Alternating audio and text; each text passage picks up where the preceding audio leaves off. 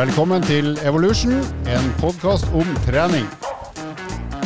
Av treningskjeden EVO. Velkommen til Evolution, en podkast for deg som hører på akkurat denne podkasten. I dag skal vi snakke om styrketrening for eh, å stramme opp både her og der, og litt sånn i forhold til utseendefokus, og for så vidt litt sånn vekt og helse også. Men vi kan ikke begynne med det før vi snakker om det faktum at uh, selv om vi er midt i februar så, det er året 2022, så begynner sola å varme ganske godt. Og vi begynner å lure på om vinteren egentlig nesten ikke har kommet før den går igjen. Uh, har vi kommet i vårmodus uh, allerede, boys? Og boys er Lars og Andreas. Hei, hei. God dag. Takk for sist. Nei, du, Det begynner jo å bli lysere ute, til de grader. Men det som vi definerer vinteren som, er jo i antall meter med snø. Nå holder vi til på Østlandet. Eh, hadde vi vært vestpå, så hadde vi jo snøa ned.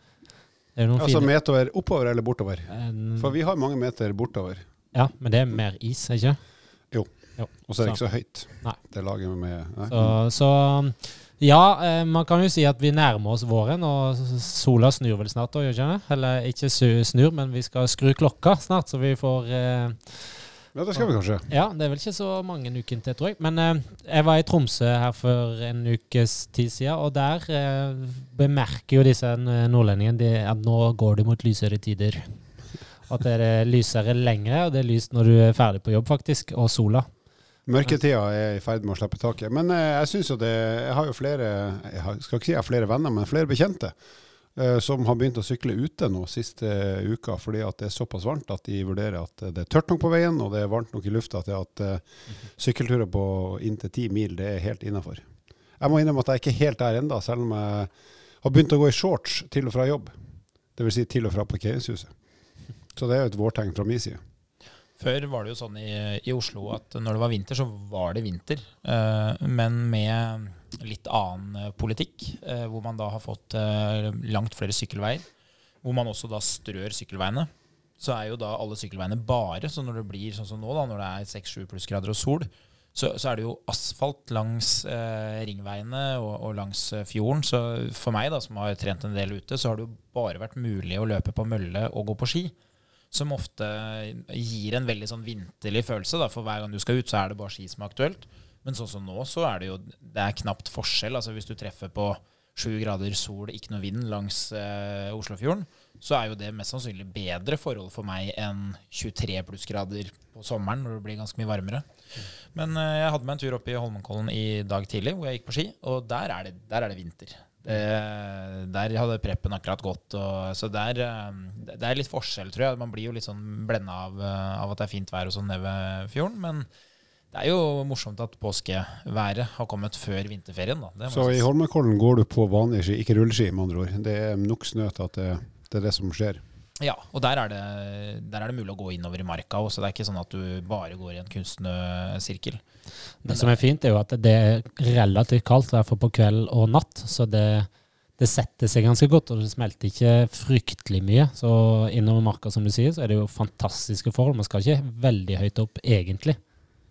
Nei, og det her må jo minne litt om været du hadde når du reiste rundt i Europa på, på alpindestinasjoner. Det er jo sånn her, det er jo klassisk alpevær, egentlig, med plussgrader og minusgrader om natta. Rennende vann langs gatene, og så blir det kaldt, og så fryser det, og så blir det is, og så strør de og herjer på med salt og det men, som bedre. Det du sier med å strø sykkelveier og sånn, for det, når jeg vokste opp i Oslo, det har jeg ikke gjort da, men da jeg var ungdom i Oslo, så kunne jeg jo faktisk, og har gjort, uh, gå på langrennsski tur i tur Oslo sentrum for å gå på byen. Så jeg har jo seriøst skøyta fra, fra Sognsvann og ned til sentrum. På snø, altså. Og så uh, parkert skia i der, der, du henger fra deg jakka. Hva heter det? Du får en sånn lapp. Ja. Jeg fikk to lapper, en for skia og en for jakka. Og så, og, så, og så, gikk jeg opp igjen på ski klokka halv fire om natta. Jeg har gått til og fra skolen på ski, faktisk. Det er nice. Ja, ikke, ikke, fordi at jeg måtte, for i Nittedalen er det jo faktisk noen, altså en, en familie da, i Søndre Nittedalen som driver en stue som uh, ligger litt oppi marka. Og han måtte jo gå på ski. Uh, men uh, Det måtte ikke jeg, men det var fordi det var så mye snø. Så vi, da vi gutta vi tok rett og slett bare skia fatt og gikk på ski til skolen. Det var like greit, det. Det er egentlig litt kult altså, å kunne gjøre det Jeg kjenner jo noen som er så heldige, men de bor ikke i Oslo, da, som, som går på ski til jobb. Som får det som en treningstur på en par mil hver vei. Og gjøre det på nypreppa løype, det høres jo ikke helt fælt ut. Det en sånn times time, sånn fin tusling. Jeg har jo ikke tenkt over det før jeg blei voksen, men eh, jeg er jo vokst opp i, i Søndre Nittedalen, ikke sant, som da det grenser jo til Oslo, så du er jo helt øverst i Groruddalen, men du er da på andre sida av Lillomarka. Så der hvor liksom Oslo eh, drar seg oppover mot eh, type Maridalen og Maridalsvann og sånn, så er det jo da det som skiller Nittedal fra, fra Oslo, er jo Lillomarka, som er en sånn liten eh, skogstarm som stikker ut eh, fra Nordmarka. Og fattern gikk jo på ski. Tur-retur jobb på Linderud. Fast hver dag. Og det, når jeg var liten, tenkte jeg ikke over det, men når jeg har blitt stor, nå tenker jeg fader, det, det hadde jo vært helt nydelig. Tenk deg å få lov de dagene hvor det er bra vær, å starte med 10 Gikk han på. Nato-plank, altså militære ski? Det, det burde han ha gjort. Også i sånn eh, hvit For da er det, eh, eks, da er det ekstremt imponerende. Og så AG3-en på skrå på brystet. hvit sånn Nei, vinterkammo. Gjennom Det hadde vært helt skjevt, det. Da hadde han vel fått grisebank på veien, tror jeg. Men eh, en ting han òg gjorde, var jo av og til når de hadde hatt øvelse eller de hadde hatt greier og sånn, så hendte jo at han hadde en, eh, en grønn MB. Altså da en, en grønn Mercedes-Benz. Eh, man er usikker på står MB for Mercedes-Benz, fordi eh, veldig mange navn i Forsvaret er jo norske navn. Eh, Sånn som når du skal få klær, så er jo L er jo liten, S er stor. Så det er jo en klassiker på rekrutten at alle har feil størrelse. Og MB det kan jo òg stå for militær bil. Det står for Mercedes-Benz. Det vet jeg med 100% sikkerhet. Så, men han henta jo meg da, f.eks. i barnehagen med en sånn grønn MB. Det, altså, I mitt liv så er jeg, jeg har vel aldri vært så populær som i det sekundet jeg ble henta da eh, i sånn grønn militærbil. Det var i det da, på det tidspunktet faren din hadde størst verdi, Ja, eh, som uh, idol. ja, også sånn faren min banker faren din. Det var jo en Mm. fordel å ha Forsvaret på sin side. Fri tilgang til våpen. Nato-styrken sto klar til å beskytte deg i Nittedal. Fremste linje. Bra. Vi, skal, eh, vi har et eh, interessant tema. Vi har fått en eh, lytter som har sendt inn en veldig personlig og, og interessant mail som vi skal lese opp i sin helhet. Og så skal vi diskutere de tingene han skriver om i etterkant. Så følg med i 6,9 sekunder, og så er vi tilbake igjen etter lyd.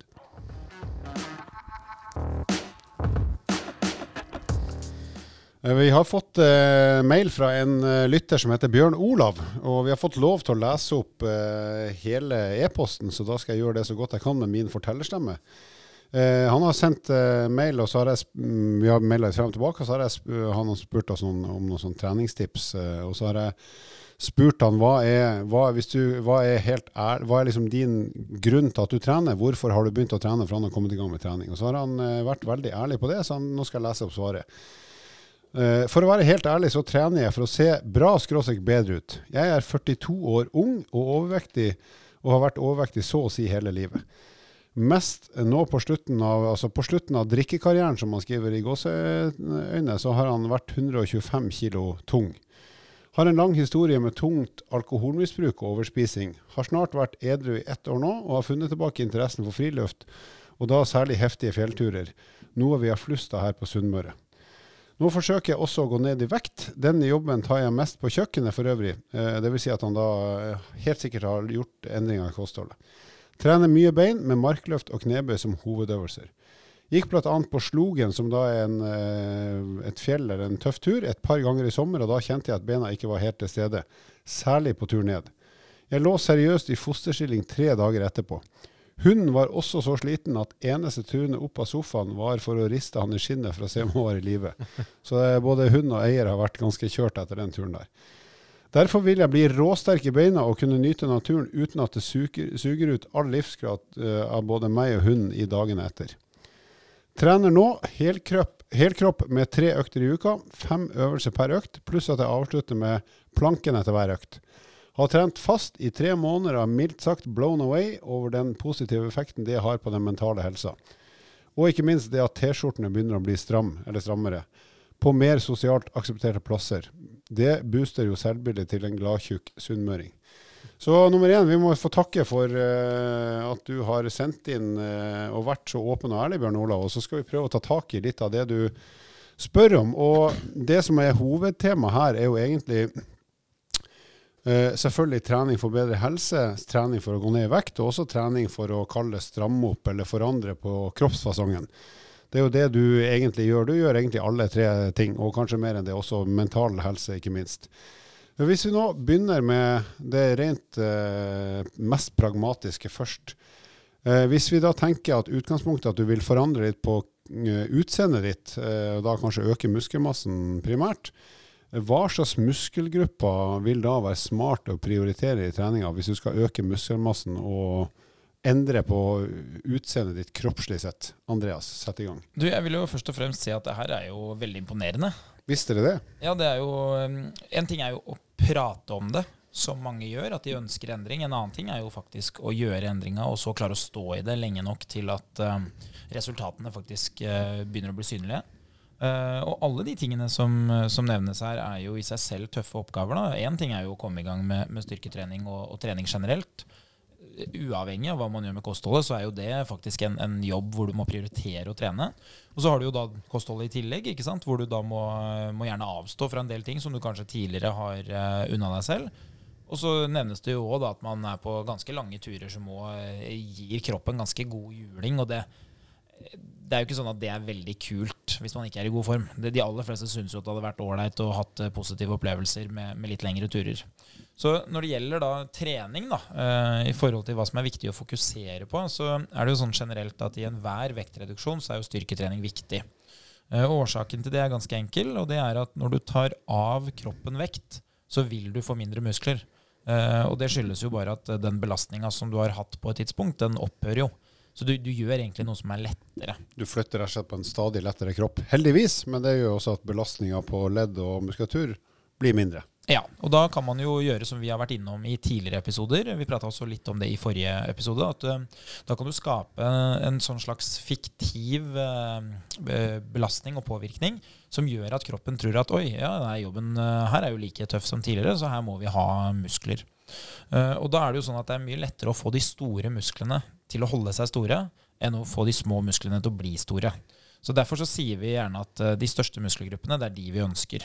Uh, og, Før vi går videre på det, så er det sånn Hvorfor vil vi ha muskler? Uh, ja, Det er to årsaker til det, sånn i hovedsak. Det er jo at de kan brukes. Så Hvis man er sterk og man har godt muskelmasse, så vil man redusere skaderisiko, og livet generelt blir lettere. Men det andre er jo en, en annen gevinst, og det er jo at muskler er jo mer aktive enn fettmassen f.eks. Så hvis man da ser på forbrenning og en videre vektreduksjon og en stabilisering av kroppsvekt, så vil det vært en kjempefordel å ha ganske mye muskler. Så ofte det man ser hos godt trente, som har jevn og, og, stabil vekt, det er jo at de har en del muskler, og så har de fysisk kapasitet til å bruke aktivitet som en metode for å holde kroppsvekta si riktig. Eller lav, da, som de gjerne ønsker. Så eh, her ville jeg vært eh, kynisk og fokusert på trening av store muskelgrupper. Uh, og, og, store muskelgrupper, da er vi inne på veldig enkel uh, trening. Men i utgangspunktet så er jo Lars langt bedre enn meg på, på valg av øvelser, som vi også så i forrige episode. Så du kan jo komme med noen tips til Jo, jeg skal ta den, men først må jeg òg få skryte av det her av Bjørn Olav. Og det, en ting er ærligheten, andre ting er jo faktisk at han eh, drar inn bikkja i dette. Eh, det kan man jo sette i parallell. Hvis bikkja er i dårlig form, så er mest sannsynlig også eieren i ganske dårlig form. Sånn satt litt på spissen. Ja, Hvis ikke eieren har en veldig sprek venn ja. som er innom hver dag. Eller kona, eller at man beordrer barn ut. Det er jo en, en, fun fact, men Bjørn Dæhlie sa jo det når etter tre-fire år etter han la opp, så sa han at uh, i går så slo jeg bikkja på uh, motbakkeintervall. Det er et meget dårlig tegn både for meg og bikkja. så nå må jeg begynne å trene igjen. nå er det et, et varsellampe. Og så uh, skryt for slogen. Uh, for de som ikke har gått den turen her, så er det faktisk en ganske brutalt tung tur. Det er ganske mange høydemeter, nå husker jeg ikke i hodet helt opp, men det er vi har passerer 1000 høydemeter sånn i utgangspunktet på, på, ganske få kilometer. Så det vil si eh, det er noen eh, Det er, ganske lang, bratt. Lang og bratt trapp. Yes. Eh, så, så, jeg skjønner at du blir sliten på vei ned, for å si det sånn. Så kan vi snakke litt mer spesifikt for hvorfor du blir sliten når du går på vei ned. Men du skal skryte for å komme deg opp der, og ikke minst komme seg ned igjen. Så over på, på muskelgrupper så har vi jo de store muskelgruppene som vi har i kroppen, som bør prioriteres når det handler om endring av kroppssammensetning og endring av det kall det i retning stramme opp og se bedre ut, hvis vi skal definere det på den måten der. Det handler jo I beina så må vi da påvirke låra våre, både forside og bakside lår. Og det gjør man jo ved spesielt med, med flerleddsøvelser, som du for så vidt nevner at du trener, knebøy og markløft. Og i de også vil vi involvere det som har med setemuskulaturen, dvs. Si bakside Rumpe, var det du kalte det? ja. Mhm. Forside, forside, bakside rumpe eller forside penis? Nei, bakside penis blir det. Ja. Det blir jo rumpa, egentlig. Det, ja, kommer an på Takk øyet, for som meg. ser. Takk for meg. Ja. Så setemuskulatur er jo viktig å, å ha med her. Og så må vi ha med oss da det som har med brystmuskulatur og ryggmuskulatur. Eh, så i forrige episode så satte vi opp et, et fint, eh, enkelt treningsprogram. Dvs. Si ha noen øvelser som påvirker deg beina. Og i overkroppen så må du ha noe som du presser fra deg. Dvs. Si der vi involverer bryst, samtidig som vi involverer baksiden av armene. Simulerer Halvor en kjempefin pushups, en smal sådan. Han er ganske smal, så han kunne tatt den sidelengs. Og så eh, baksiden av armene. Og så hvis vi trekker det motsatt, det vil trekke noe til oss, så har vi jo da baksiden av ryggen, altså den breie ryggmuskelen, den som hos mange er synlig, dvs. Si den V-en for å utfylle T-skjorte eller gensere, eller se litt grann breiere ut, rett og slett. Enkelte av oss har W, faktisk. Ja. Inkludert Andreas. Han er en X. Ja, det er for at han har så tynne legger, så derfor ser ryggen så Han svær ser ut som en X. Så, så da får vi involvert de store muskelgruppene der, eh, samtidig som vi har fått baksiden av skuldrene og skuldrene, som er viktig, og eh, armbøyene våre, dvs. Si framsiden av eh, armen, som da bøyer i albueleddet vårt. Og- Bicepsen. bicepsen der. Og, og hvis vi òg legger til en der vi presser oppover, dvs. Si type skulderpress, så har vi òg involvert både armene, men òg skuldermuskulaturen, det som eh, kaller kappa utenpå skulderleddet vårt, som gjør at vi ser litt bredere ut, men òg ja, i retningen mer maskulin. For det vil jo breie skuldre være ofte i, i kategorien det å være maskulin. Eh, Jeg er helt uenig. Ja, for du har ganske brede Det er Men kvinnelige hofter og smale skuldre. du har sånn pæreform, du. Jeg har det. Takk for det. Og så må vi jo involvere det som har med kjernemuskulaturen vår, dvs. Si det beltet rundt, dvs. Si det på framsida. At vi får engasjert magemuskulaturen, men òg ryggstrekken, som fint heter. De som går fra rumpa oppover eh, mot nakken. Hele veien der, de to pølsene, om man kan si det sånn. Og de vil vi involvere i stor grad med knebøy og markløft. Det er kanskje de to beste øvelsene hvis man har en viss ytre belastning som er relativt tung, så man får jobba og engasjert i. Og da har jo de en mer statisk funksjon, dvs. Si de skal motvirke bevegelse, så vi ikke detter fremover og krumme, eventuelt går motsatt vei, at vi ekstenderer, altså bøyer oss bakover. Så, så du nevner jo her at du bruker planken som en eh, øvelse, og eh, min utfordring til deg, da, for det vil jo der eh, en øvelse som er statisk, dvs. Si motvirke bevegelse. Du ønsker ikke å skape bevegelse. Så for alle oss her inne, og eh, dere andre som lytter på, så har vi jo alle eh, det vi kaller sixpacken. Den ligger, ligger hos alle, eller det er der hos alle, bare noen har polstra den litt bedre enn andre, eh, inkludert undertegnet. Men den er der, og måten vi skal få frem den til å bli litt mer synlig, er jo eh, abs are made in the kitchen, som det så fint heter. Ja, vi må være fokusert på kosthold og til dels kondisjonstrening. Og så må vi ha styrketrening, og da tung nok styrketrening hvor vi skaper bevegelse. Fordi magemuskelen er òg en muskel som trenger hvile, og trenger belastning, rett og slett.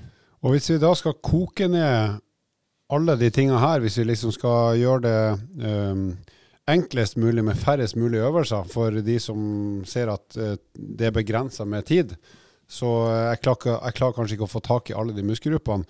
Kan vi da si at hvis du trener knebøy, markløft, en brystøvelse og en ryggøvelse, da har du kommet ganske langt på vei i forhold til å treffe på store muskelgrupper? Ja. Det vil si. Ikke sant? Og så er jo spørsmålet ok, vi vil jo øke muskelmassen her, det er jo primært det vi er ute etter i tilfellet her, selv om vi òg selvfølgelig vil bli sterkere. Men hvordan gjør vi det da? Hvordan skal vi trene i øvelsene? Hvor tungt skal vi holde på? Hvor mange serier skal vi holde på med da for å øke muskelmassen? Nei, for det første, prinsippet for eh, det vi kaller hypotrofri, dvs. Si muskelvolumsøkning, ligger i stedet at man har tre til fire sett, og så åtte til tolv repetisjoner, sånn ish. Man kan òg trekke det ned mot eh, seks og opp mot 15 i enkelte tilfeller, avhengig litt av hvilken øvelse det er. Om det er en flerleddsøvelse, dvs. Si der er flere ledd er involvert, typisk pushups eller benkpress eller sittende roing osv., eller installasjonsøvelser, f.eks. Eh, biceps curl eller andre typer øvelser. Og så må man ha en viss belastning på de, dvs. Si her bør man ha én til tre repetisjoner i reserve. Dvs. Si man nærmer seg utmattelse der du ikke klarer flere repetisjoner, som veldig enkelt sagt. Og da må det være tungt nok til at du virkelig tar i, og så må du være ærlig med deg sjøl, altså klare flere enn Si tre repetisjoner. Greit, da må jeg øke belastninga. Dvs. Si jeg må ta tyngre. Eh, så det er ekstremt viktig. Og så bør man òg tenke litt på hvor lang pause man har mellom de ulike setta, sånn at man nærmer seg den muskulære utmattelsen, dvs. Si, eh, der man ikke klarer å ta flere. Så avhengig litt av eh, tilstand og hvor sliten du er av andre øvelser som du har gjort tidligere i programmet og, inngangen din. Så et sted mellom 45 til 90 sekunder, som en sånn tommefingerregel mellom setta, bør i utgangspunktet være nok. Og så kan du jo tøye den og, og ta litt lenger hvis det er behov for det. Og da spesielt på de litt tyngre øvelsene som krever litt mer tilstedeværelse og mer fokus på teknikk. Og da er vi inne på markløft og knebøy, sånn stort sett.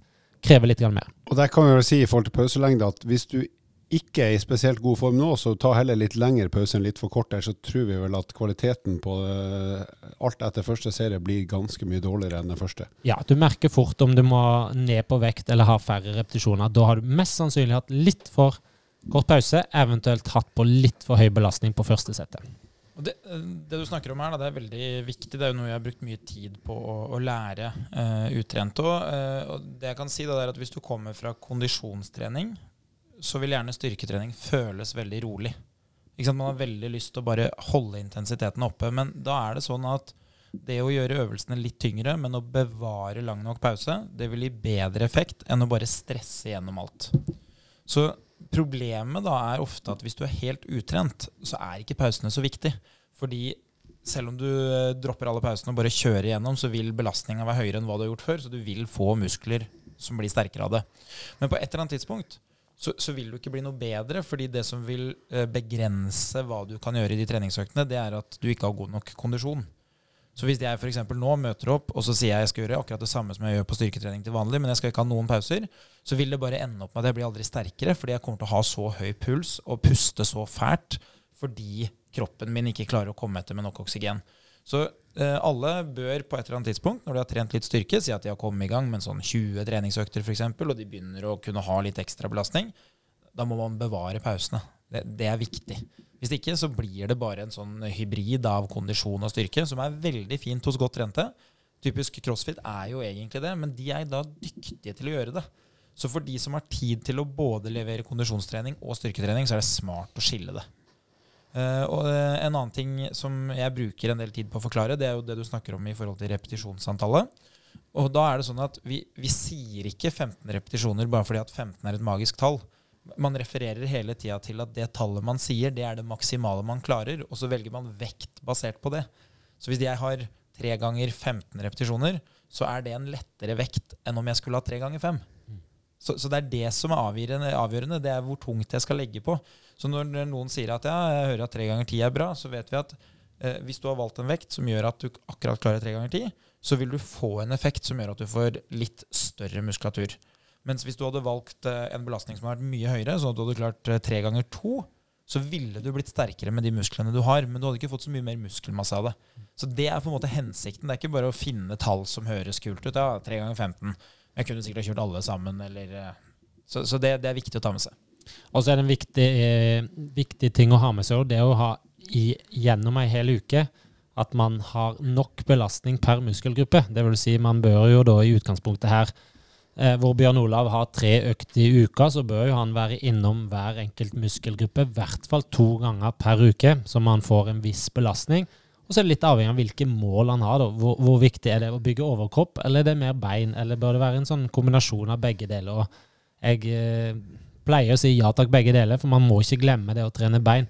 Og det vil òg ha en stor effekt på overkroppen, for på de fleste beinøvelser, som da involverer en ytre belastning, f.eks. knebøy og markløp, så vil man involvere over overkroppen, så man vil få en stort utbytte av å trene tungt nok og ofte nok. Og der besvarte du neste spørsmål, hvor mm. ofte skal vi da gjøre denne type trening. Så det du sier er at to ganger i uka er veldig bra. Altså de, hver muskelgruppe som du bør ha med i forhold til både helse, muskelmasse og utseende, ja. eller forandre utseende, to ganger i uka er et veldig godt tall. Ja, og da kan man òg splitte det opp. Altså, vi skal komme med noen eksempel snart.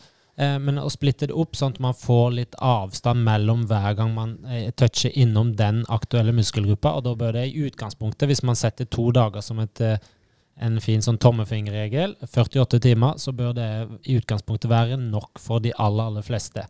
Skal man ha ytterligere økter per uke, så må man jo da være litt mer smart i forhold til hvordan man eh, splitter opp eh, muskelgruppen og øvelsene, sånn at man får nok restitusjon imellom. Og så skal vi jo straks, Bjørn Olav, eh, vi har jo laga hvert vårt forslag til ei økt til deg. Eh, men før vi kommer dit, så vi, kan vi ikke la være å nevne kondisjon. Andreas har vært litt inne på det. Du har egentlig skrevet litt om det sjøl, at du var helt kokt når du kom hjem fra fjellturen. Og det var nok selvfølgelig belastning av å både gå opp og ned som er slitsom muskulært, altså at musklene dine har fått bank, rett og slett, særlig på vei ned, når du må ta imot kroppstyngda di med fart og en kropp som vil nedover, så du må egentlig bremse den, så det blir en ganske tøff, eksentrisk belastning.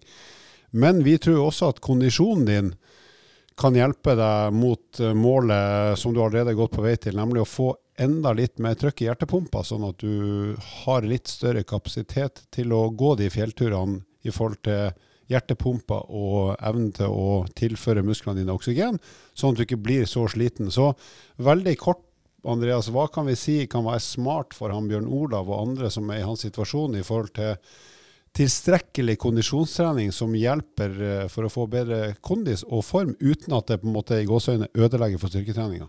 Jeg eh, liker jo å se til uh, de som er best i verden til det de gjør.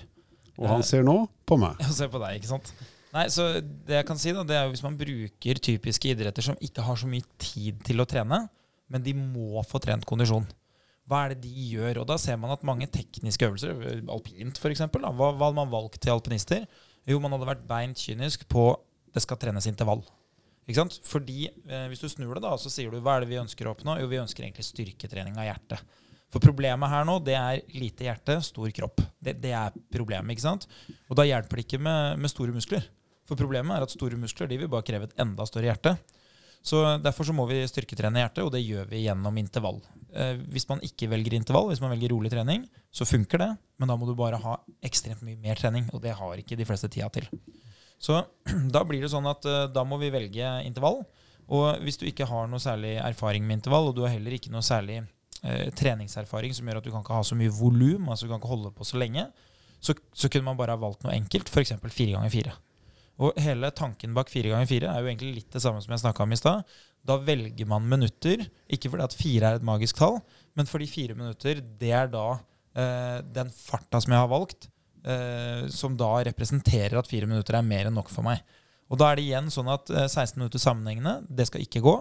Men fire ganger fire minutter med litt pause imellom, det skal gå. Så da har du en veldig sånn fin intensitet. Så det betyr jo for de fleste at det er hardt. Men det er heller ikke så hardt at du lurer på om det skal gå under f.eks. første fire minutter. Da. Eh, men så er det veldig hardt for kroppen å gå rett på tunge vekter. Så derfor så må vi varme opp litt. Så en sånn veldig enkel økt er f.eks. da 10-15 minutter, litt sånn rolig til moderat oppvarming. Og så gjerne bruk to minutter på å gå veldig rolig, så kroppen rekker faktisk å få henta seg litt inn etter oppvarminga. Og så er det fire minutter på. Eh, I noen tilfeller så bruker man tre minutter pause. Det er jo den klassiske modellen. Tre minutter pause det gjør ofte at du får henta deg inn så mye at neste fire minutter kan bli litt for tøff. Så jeg liker å bruke to minutter pause, for da kan vi ha litt lavere intensitet og fortsatt få god styrketrening på hjertet. Og det får man av pulsen. Så da sier vi 4-2. Det er lettere å huske. Det er 50 eh, Så da får du fire minutter på, du får to minutter pause, fire minutter på. Og da er spørsmålet hva skal du velge? Du må ikke løpe, som de fleste tror. Du kan gå i motbakke, som mest sannsynlig vil være det mest effektive her. Ja, og særlig, for, ja, særlig han som skal gå fjellturer. Og de går vel stort sett opp og ned. Ja, ikke sant? Og, og hvis det da er sånn at nei, jeg kjenner det godt i beina etter styrketrening, eller at jeg har gått noen fjellturer, lurer på om det kanskje ikke er veldig bra for, for beina mine med så høy belastning, da kan du sykle det. Du kan ro det, du kan stake det. Det viktigste her er jo at hvis du skal ha ett mål på intensiteten, og at den er riktig, så er det faktisk hjertefrekvens da, eller puls. Det er den vi er på jakt etter, for det er hjertet som skal trenes. Og da er det sånn at det å stake det kan fungere for noen, men det er ikke sikkert det fungerer for alle. For hvis du er ganske svak i arma, aldri gått på ski før, så kan det godt hende at det føles helt forferdelig, men du har ganske lav puls.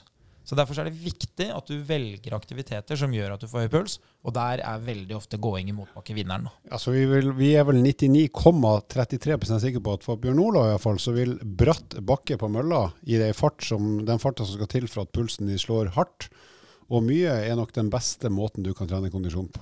Og det vil ikke ødelegge noe særlig grad for styrketreninga, for det er ganske skånsomt, selv om det er slitsomt. Og den store fordelen der vil jo være at ved å øke kondisjonen, så vil du også da forbedre restitusjonstida di i styrketrening. Og Det betyr jo at eh, når du da er ferdig med knebøy, og du skal gå videre til f.eks. markløft, da, så vil du hente deg en raskere, som gjør at du kan prestere bedre.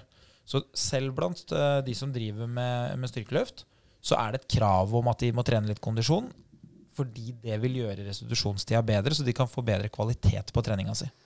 Og da har vi kommet til eh, selve finalen i sendinga, og det at vi har da, vi guttene rundt eh, det ovale bord, har laga hver vår økt til han Bjørn Olav, som vi tror skal matche det han allerede er godt på gang med, nemlig å komme i mye bedre form og gå ned i vekt. Så da kan jeg jo begynne sjøl, siden jeg har vært så freidig å ta mikrofonen allerede. Og da har jeg laga ei kombiøkt til deg Bjørn Olav som tar ca. en klokketime. og Den er en kombiøkt der du får trent hele kroppen styrkemessig, men også ganske mye kondisjon. Og Den starter da med motbakkegangen. Du setter mølla på 10% stigning, og så finner du ei fart som du klarer å holde i åtte minutter. Da skal du være sliten, men du skal fortsatt kjenne at du har ganske mye å gå på likevel. Og så skal du få lov å trene enten benkpress eller brystpress. Tre ganger ti reps, sånn som Lars sier. Når du er ferdig med det, så skal du tilbake igjen på mølla og gå åtte minutter til i motbakke. Omtrent like rask som vi sa. Altså ganske høy puls, andpust, men ikke katastrofe. Så skal du få lov å trene sittende roing, enten i apparat eller med sånn vaiermaskin. Eh, tre ganger ti. Og så skal du tilbake igjen på mølla og gå motbakke da, i samme stigning, 10% og med den farta du trenger for å få høy puls. Og da skal du gå i seks minutter. Så skal du få lov å trene biceps curl som er litt sånn pyntemuskulatur, men det er litt kult. Så derfor får du eh, ta tre ganger ti av det nå. Kanskje det holder med to ganger ti, det får du se, men to eller tre ganger ti. Tilbake igjen på mølla, nye seks minutter. Nå begynner det å bli slitsomt, men du skal bare holde deg på samme fart og stigning som du har gjort. Og så etter de seks minuttene så får du lov å trene triceps, altså bakside arm. Eh, to eller tre ganger ti eh, reps, og så er det fire minutter på tredemølla. Og så avslutter du med beinpress. Og da skal du ta beinpress i, altså bruke apparatet, ikke, ikke begynne med stanga, sånn, sånn at du kan bare få trykk ut det du har igjen i beina, for da har du gått så mye allerede at du er ganske sliten. Det er altså ei økt der du får trent veldig mye kondisjon, men det er delt opp i små biter, sånn at du skal ikke bli så sliten at styrketreninga blir dårlig. Og så er styrketreninga ganske enkle øvelser, så jeg ville kanskje anbefalt å bruke apparater, selv om det ikke er helt optimalt og funksjonelt, så vil det sannsynligvis fungere godt her.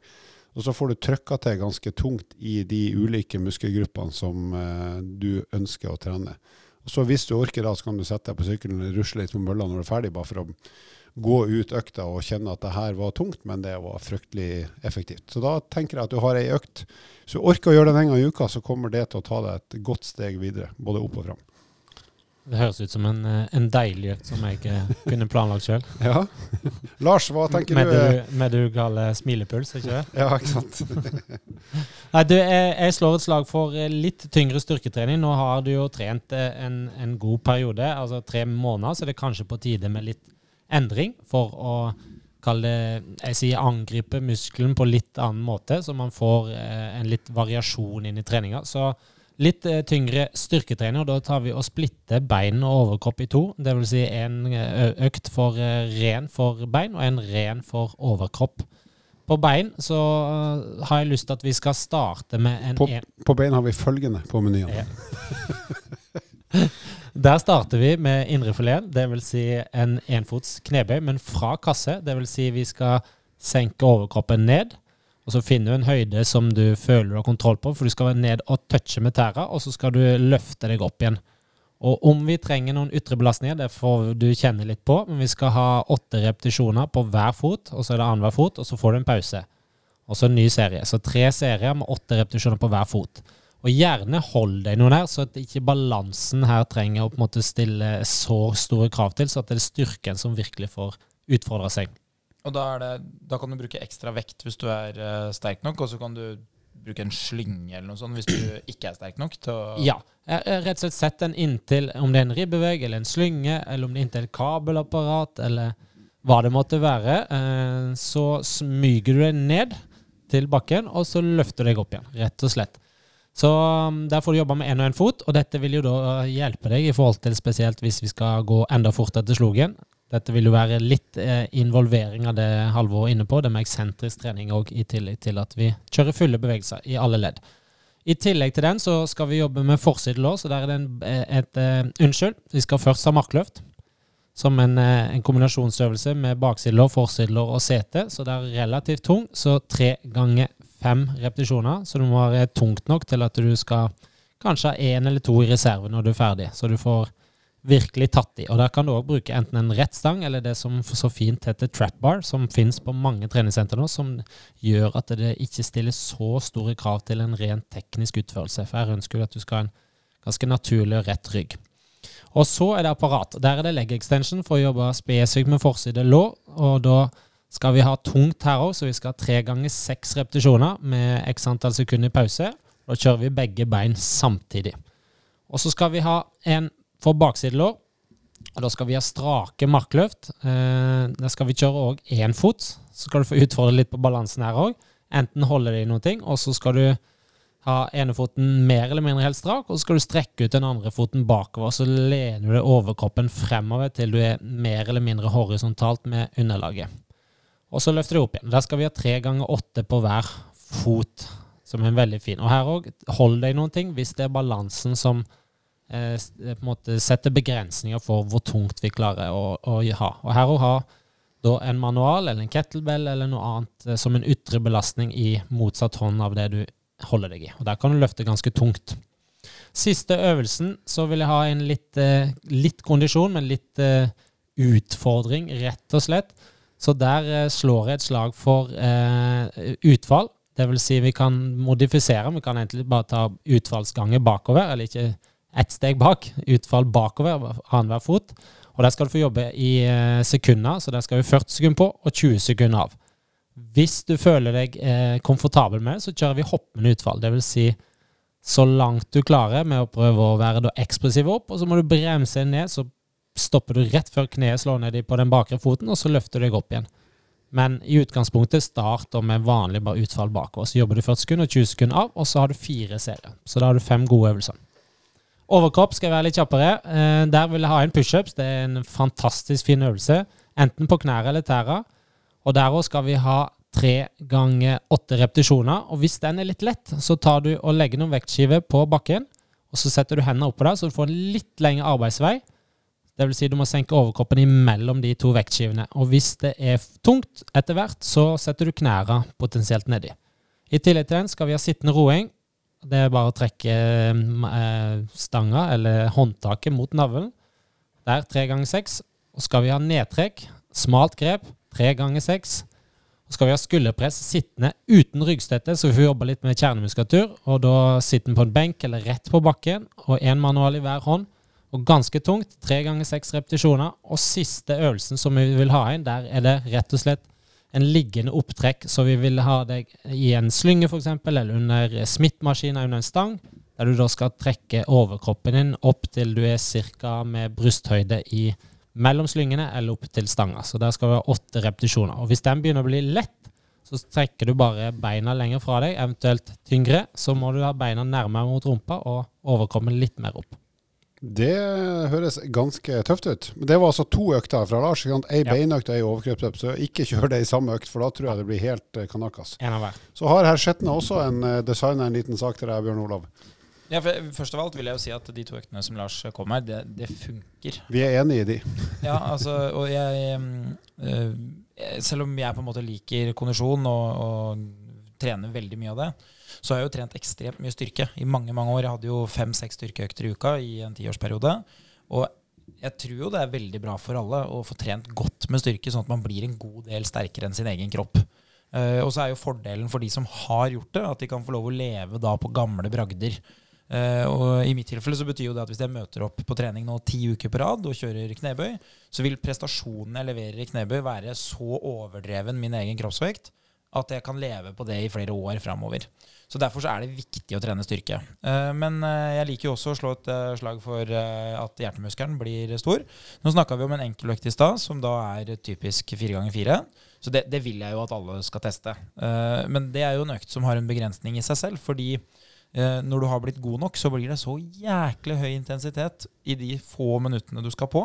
Så for min del, hvis jeg skulle gått og løpt en fire ganger fire nå, så måtte jeg starta så hardt for å rekke å komme opp i puls at jeg bare står i fare for å sprekke. Så Derfor så ser man at hos de som trener mye og har trent lenge, så blir øktene lengre. For å sikre at man får riktig intensitet. Eh, og da kan man jo bruke det eh, også da eh, i en oppstartsfase, som er en sånn litt morsom motivasjonsmetode. Og det jeg vil du skal gjøre da, det er at du skal starte på 5 km i timen på mølla. Flatt. Og så skal du gå i fem minutter. Og hvert femte minutt så skrur du opp 1 km i timen. Og da skal vi holde på til det ikke går mer. Og det betyr at du kommer til å sikre god oppvarming. Du kommer til å sikre en god periode med moderat intensitet. Og så kommer du til å sikre at det blir ganske kort periode med høy intensitet. Og så avslutter vi med fem minutter på fem etterpå, så vi rekker å gå oss ned. Og eh, Det betyr da for de fleste at eh, du vil henge med på fem minutter på fem, du vil henge med på fem minutter på seks, kanskje på sju, kanskje på åtte. Da har du allerede 20 minutter. Og da er du i gang med jogg. Da må På du, åtte eh, km i timen så er du i joggemodus. ikke sant? Så når folk sier til meg sånn, ja, når er det vanlig å begynne å jogge? Nei, du bare kjør opp farta, det, så skjønner vi det. Du, du skjønner når du ikke henger med båndet. Og det betyr at hvis du klarer å komme deg til ti, eh, så vil du da ha fem, du vil ha seks, du vil ha sju, du vil ha åtte, du vil ha ni, du vil ha ti. Og da plutselig har du holdt på en halvtime. Eh, og de fleste de tipper jeg hvis ikke de har trent så mye, de begynner, da, da ryker de i vifta. ikke sant? Men fordelen er at da ryker du i vifta eh, med en intensitet som kommer til å være varigheten. Da vil det bli sånn Nei, nå er det så tungt for meg at nå må jeg gi meg. Mens på en fire ganger fire så kan det hende at den hammeren kommer ganske hardt. Så fordelen med en sånn type økt er at eh, du vil begynne å skjønne at nå går det mot slutten. Og så vil du jo fra, fra og med neste økt se at oi, jeg ble, jeg er jo bedre enn sist. Og der vil jeg si da, eh, på generelt grunnlag, ett sekund, det er en kjempeforbedring. Så det er ikke sånn at hvis du møter opp og klarer å komme ned til åtte, så ikke ha troa på at neste gang så kommer jeg til elleve. Men hvis du kommer til åtte, hvis du da kommer lengre på åtte neste gang, så har du blitt i bedre form. Men fordelen er jo veldig ofte sånn at eh, hvis jeg begynner med det her, så blir det minimal med, for- minimalt med forbedring. Mens hvis en helt utrent begynner med det, så kan de risikere å bli 1 km i timen bedre eh, i tre-fire uker. Så det er en veldig morsom måte å trene på i starten, som også sikrer mye volum. Så jeg bruker det mye selv, eh, justert da bare for riktig hastighet til meg. Bra, da må vi igjen få lov å takke Bjørn Ola for et uh, utrolig interessant innlegg og mange gode spørsmål. Og så håper vi at vi får høre fra deg når du, har, uh, når du skal i gang med klatringa igjen til våren og sommeren. Og da tror vi at formen din er, den er jo allerede mye bedre, men den kommer jo til å være utrolig god om en tre måneders tid. Det hadde jo vært veldig fint uh, hvis vi får en tilbakemelding hvis han velger å gjennomføre noen av øktene. Så tar vi gjerne uh, tilbakemelding på det, sånn at vi kan ta det opp igjen i podkasten. For veldig mange av de som lytter, vil nok også tenke at å, ja, det har jeg lyst til å prøve, det kan jeg teste. Så det er jo fint å få noe respons på hvordan det er å prøve de praktiske praktiske Og tipsene. kanskje vi til og med, hvis han er snakkesalig og snakker før, han er i hvert fall skrivefør, kunne vært med i en podkast eh, når det nærmer seg varmere tider. Så kunne vi hørt eh, hele reisen hans og hvordan det går eh, i sommer. Så vil jeg gjerne se noen svømmetak av han sunnmøringen. Jeg tror han svømmer innover eller utover. Sannsynligvis innover. Det er bra. Da er vi ferdig for nå. Da sier vi carbonara eller sayonara. Hva blir det i dag? Pasta Yes. bolognese? Grandis. Grandis. Takk for oss!